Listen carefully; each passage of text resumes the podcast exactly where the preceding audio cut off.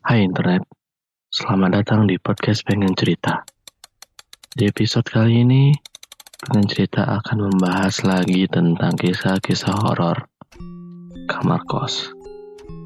Kisah ini diangkat dari situs baca yang terkenal, yaitu Wattpad, dengan penulisnya Winda Revalina.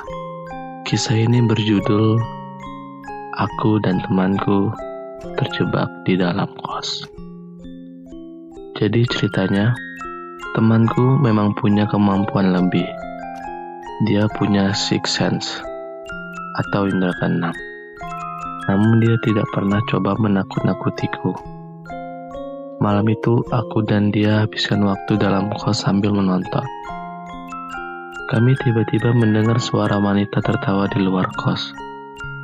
Temanku langsung keluar tapi tidak ada orang. Sontak dia bilang, Hei berisik, aku sudah paham kepada siapa dia berbicara. Kami lanjutkan menonton sampai setetes darah jatuh di lantai kamarku. Temanku langsung memintaku untuk tetap duduk.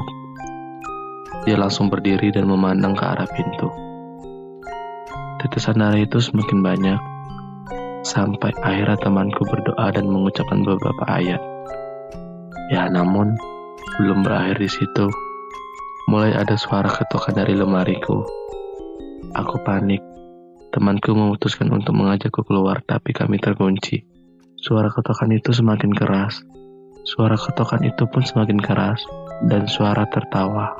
Aku panik, sangat panik.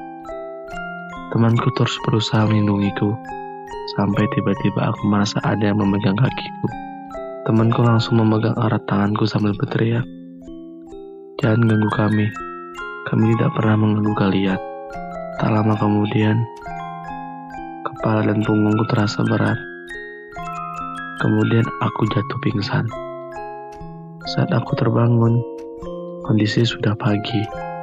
Aku dikelilingi pemilik kos dan beberapa temanku di kos. Aku bertanya, apa yang terjadi? Temanku bercerita. Temanku bercerita bahwa aku kerasukan tidak lama setelah aku pingsan. Diceritakan, aku memarahi temanku dengan kata-kata kasar dan dalam bahasa yang tidak pernah aku kuasai, yaitu Mandarin. Sejak itu, aku meminta untuk pindah kamar, dekat dengan kamar temanku yang punya indera keenam.